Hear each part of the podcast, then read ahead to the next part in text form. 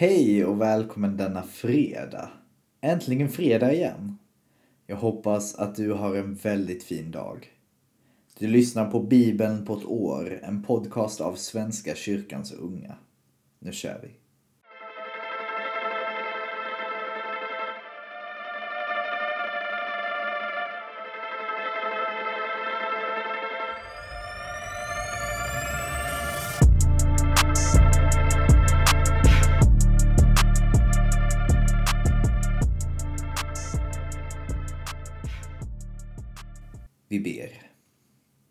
Tack Gud för denna dagen. Tack för denna fredag. Jag ber att du är med oss idag. Led oss och var vid vår sida. Tack för att du alltid är vid vår sida även när det inte känns så. Jag ber för helgen och för allt som ska hända då. Var med i dagens bibelläsning. I Jesu namn, Amen. Vi börjar i tredje Mosebok kapitel 6, vers 1 till kapitel 7, vers 27. Herren talade till Mose. Om någon syndar och handlar trolöst mot Herren genom att bedra en landsman i fråga om något som har överlåtits eller anförtrotts åt honom, genom att tillgripa eller tilltvinga sig något från en landsman, genom att förtiga att han hittat något borttappat, eller genom att svära falskt om någon synd som en människa kan begå, så ska den som har syndat och inser sin skuld återställa det han har tillgripit eller tilltvingat sig, blivit anförtrodd eller hittat.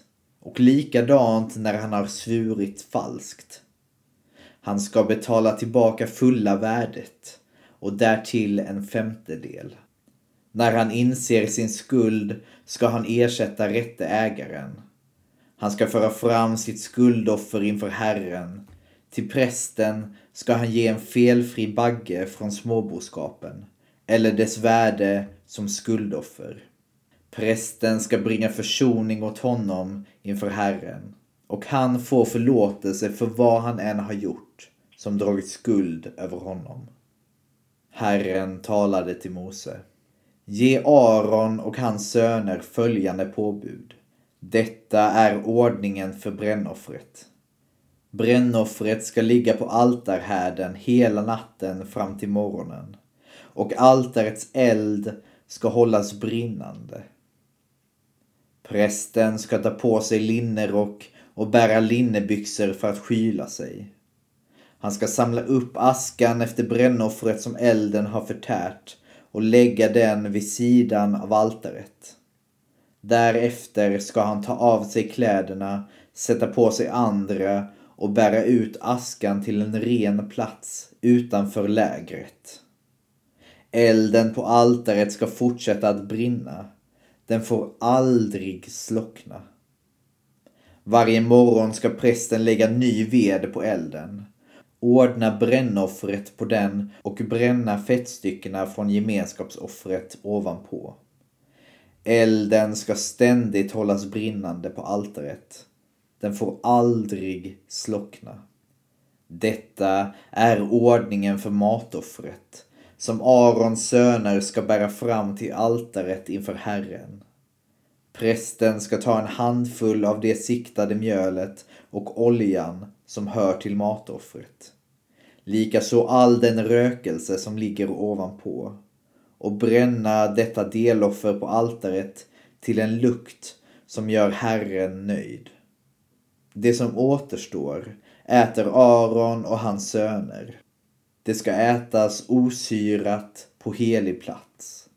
På förgården till uppenbarelsetältet ska de äta det. Och det får inte bakas med surdeg.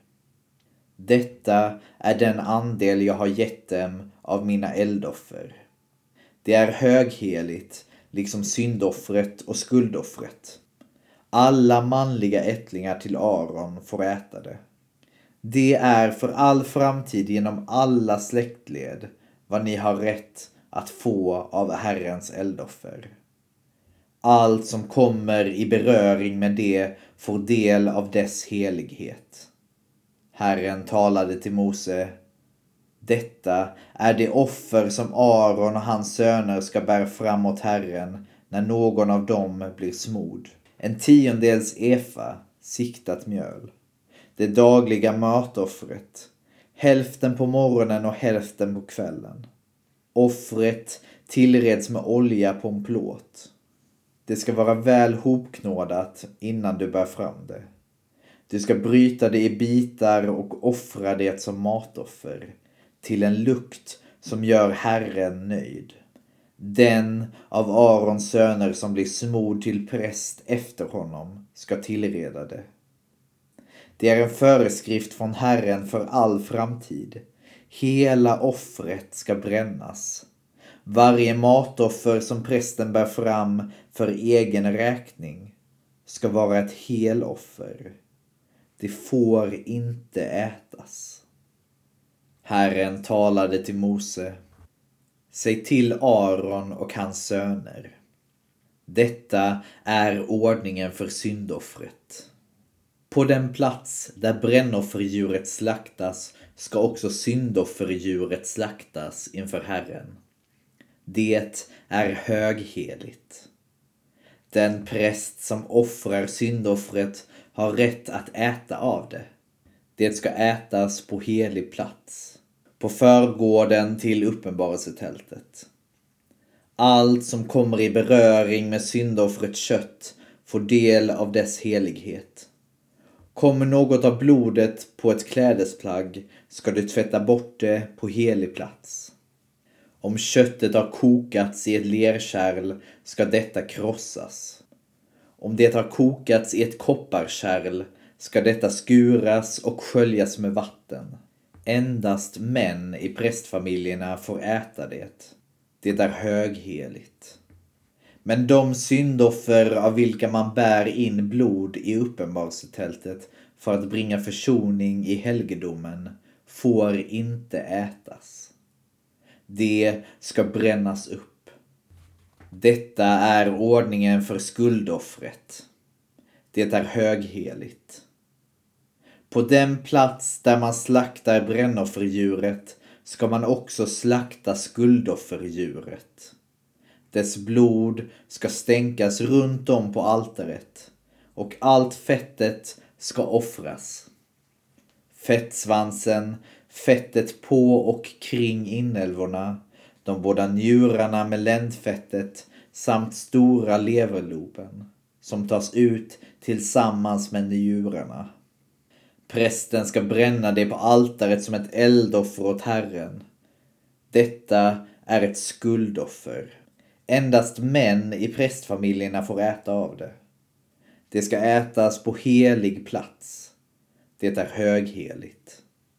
För syndoffret och skuldoffret gäller en och samma ordning. Det tillfaller den präst som bringar försoning med det. Den präst som offrar någons brännoffer ska ha offerdjurets hud. Alla matoffer som gräddas i ugn, kokas i gryta eller steks på plåt tillhör den präst som bär fram dem. Men alla andra matoffer, vare sig de är smorda med olja eller torra, tillhör Arons söner. Utan åtskillnad. Detta är ordningen för gemenskapsoffret, som offras åt Herren. Offrar någon det som tackoffer ska han tillsammans med tackoffret offras osyrade kakor, bakade med olja och osyrade tunnkakor smorda med olja, samt kakor hopknådade av siktat mjöl och olja. Därutöver ska han offra syrat bröd vid det gemenskapsoffer som han offrat som tackoffer. Av offergåvorna ska han ge en av vart slag som gåva åt Herren. Den tillhör prästen som stänker gemenskapsoffrets blod. Köttet från gemenskapsoffret framburet som ett tackoffer ska ätas samma dag som det offras. Inget av det får lämnas kvar till morgonen. Är hans slaktoffer ett löftesoffer eller ett frivilligt offer ska det ätas samma dag som det bärs fram. Men det som blir över kan ätas dagen därpå.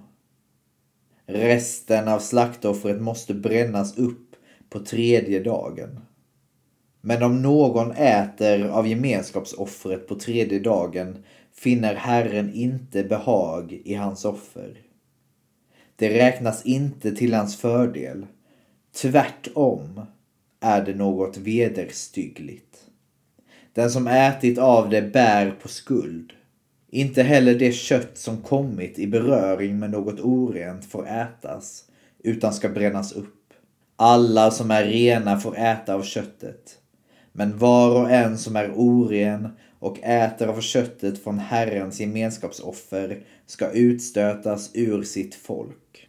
Om någon rör vid något orent, vare sig en människas orenhet, ett orent djur eller ett orent småkryp och sedan äter kött från Herrens gemenskapsoffer ska han utstötas ur sitt folk. Herren talade till Mose. Säg till israeliterna. Ni får inte äta fettet från nötboskap, får och getter.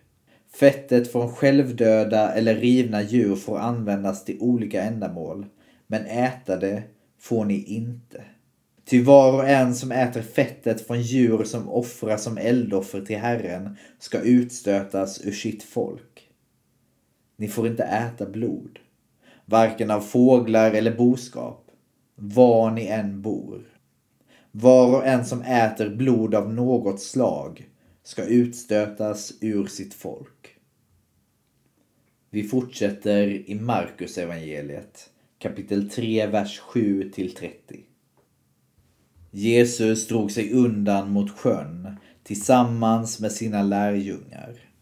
En massa människor från Galileen följde med, men också från Judeen, Jerusalem och Idumeen och från andra sidan Jordan och från trakten kring Tyros och Sidon kom människor i massor till honom när de hörde talas om allt han gjorde.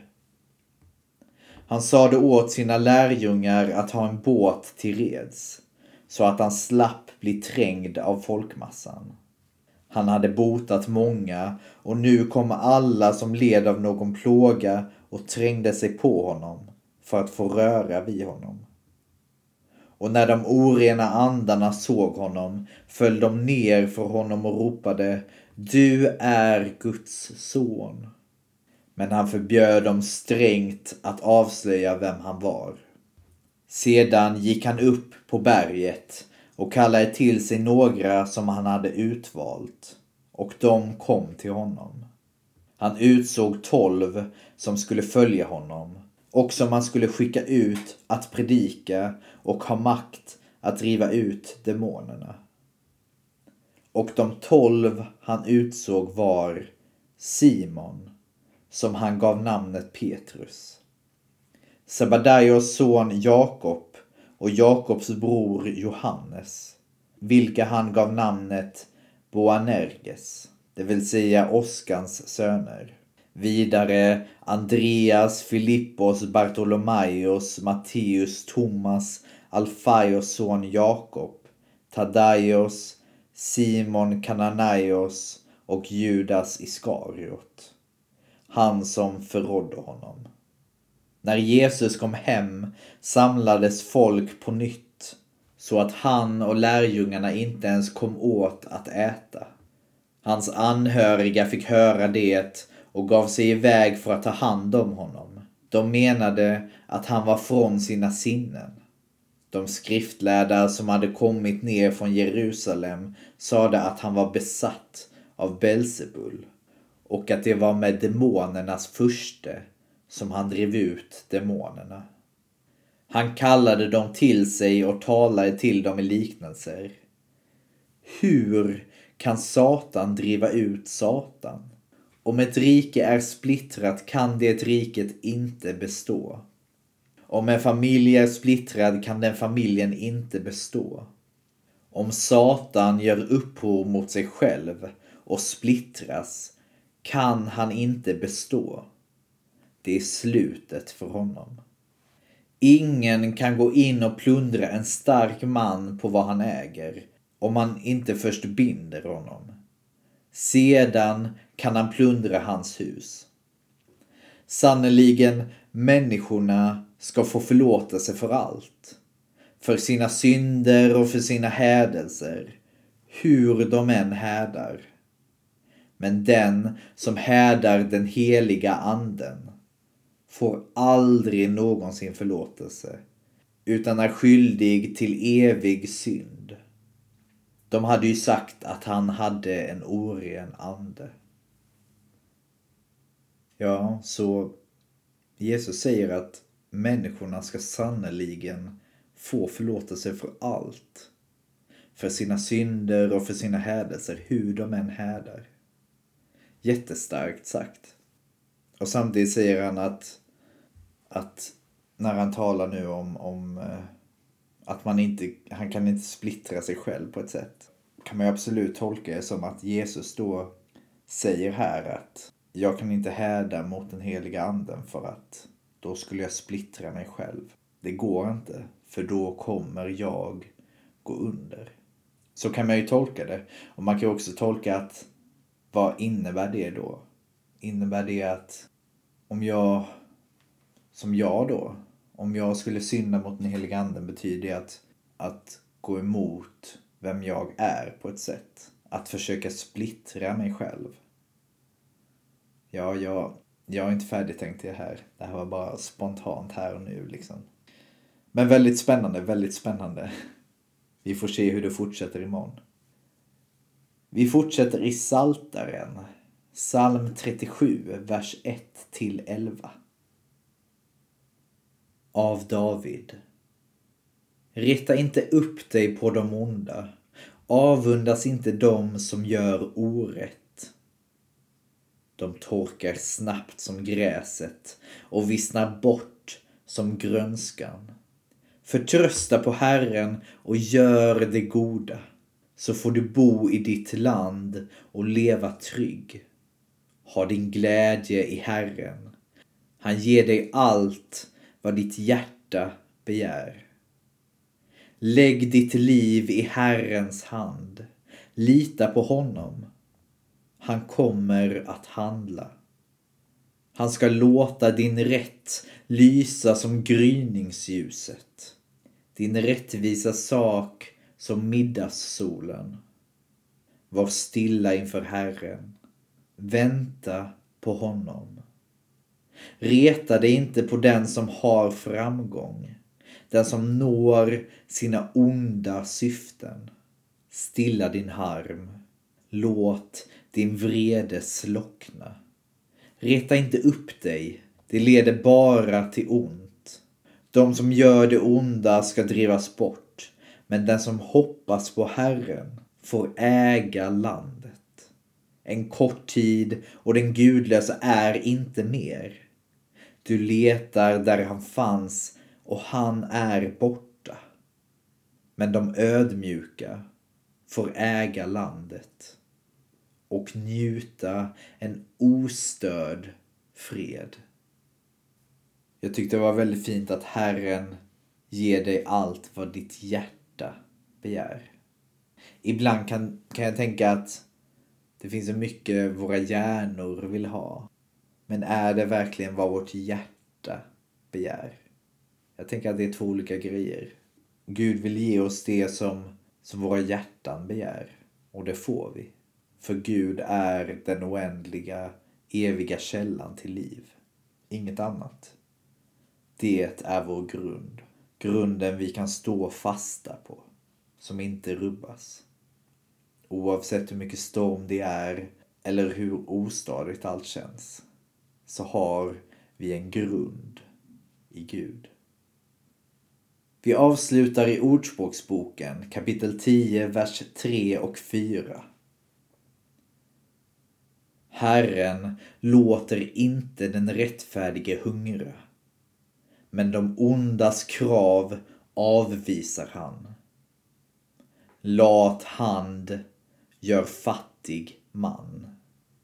Flitig hand gör rik. Det var allt för idag, kära vänner. Tack och ha en underbar dag. Hoppas ni får det trevligt idag denna fredag. Hoppas ni har en mysig kväll. Ha det fint, vi ses, hej då!